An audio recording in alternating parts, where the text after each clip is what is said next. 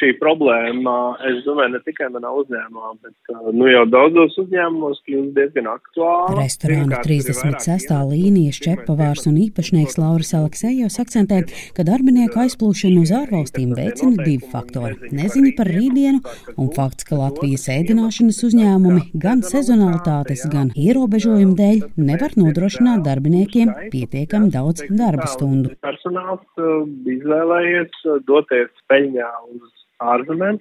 Ja mēs runājam šobrīd par uh, finansiālo pusi, tad es nezinu, kad mēs vispār varēsim ar kādu konkurēt. Šos 7, 8 uh, eiro stundā, ko vidēji maksā uzņēmumu un restorāni. Nu, mēs runājam šobrīd par kvalificētu darbu spēku, nevis par palīgu strādniekiem. Tos uh, pārtrumpēt var jebkurš ārzemju uzņēmums, un uh, tā ir gan Somija, gan Zviedrija. No mana uzņēmuma konkrēti ir aizbraukuši trīs cilvēki divi ir Norvēģija, viens ir Zviedrija. Tā tas arī ir. Faktu, ka ar darbinieku aizplūšanu uz ārvalstīm saskaras neviens vien ēdināšanas jomā strādājošs uzņēmums, apliecina arī Latvijas restorānu biedrības veiktā aptauja. Proti tajā piedalījās 137 ēdināšanas uzņēmumi, 46% no tiem atzina, ka uz ārzemēm ir devušies vismaz trīs darbinieki, bet 19% uzņēmumu pametuši un peļņā ārpus Latvijas aizbraukuši no 3 līdz 6 šiem cilvēkiem ir arī tādi uzņēmumi, kuros vairāk nekā desmit cilvēku ir izvēlējušies doties prom no valsts.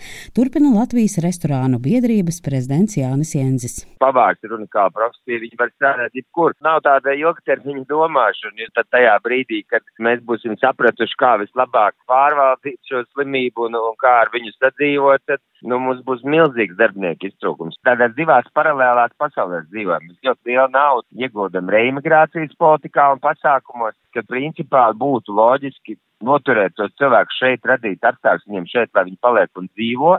Nevis pateikt, jūs mums neesat vajadzīgi, pārkvalificēties vai brauciet prom vienalga, un tad, nu, tā kā mēģināt viņus sasniegt tur, kur viņi jau ir iesakņojušies. Nu, tāda neloģika sanāk. Jēncis teica, ka pastāv milzīgs risks, ka pandēmija ēdināšanas nozari pamatīgi iedragās un noteikti būs tādi, kas šo krīzi arī nepārvarēs. Attiecībā uz darbiniekiem un to piesaisti Jēncis prognozē, ka darba algas būs jāceļ neizbēgami. Faktiski tāds algu svārstības vairāk saistīts ar darba spēku trūkumu nekā ar produktivitāti vai darba kvalitāti pieaugumu. Būtu loģiski, ka tas būtu saistāms tādiem izmērāmiem rādītājiem no izmisuma solis. Ja, un tai pašā laikā mēs šobrīd vēl šodien neesam saņēmuši apstiprinājumu no Eiropas komisijas par algām darbinieku algām oktobrī vai nerunājot par novembri nemaz, ja.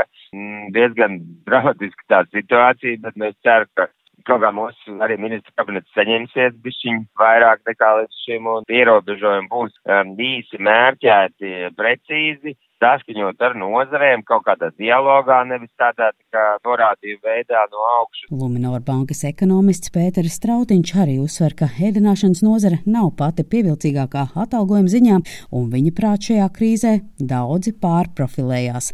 Ekonomists prognozē, ka algu celšana būs nākotne. Lai to darbību atjaunot, tie cilvēki tā teikt būs jāpērk no kaut kurienes citurienes. Daļa vismaz no viņiem ir iekārtojušies nozareis, kur ir uh, daudz augstāks algas. Tātad nākotnē ir pilnīgi skaidrs, ka sabiedriskās ēdināšanas uh, pakalpojumi būs dārgāki. Jau uh, pirms pandēmijas bija redzams, ka cenu līmenis restorānos, protams, aug un, manuprāt, pat drusku straujāk nekā vidējais, bet cenas kopš lielās krīzes, ar to domāju, nekustamo īpašumu burbuļu plīšanu, kopš tā laika cenas restorānos auga daudz, daudz lēnāk nekā eh, šo restorānu galvenā izmaksu sadaļa, kas ir algas. Strautiņš teica, ka pandēmija būs pātrinājusi nenovēršamo un savā ziņā arī vēlamo.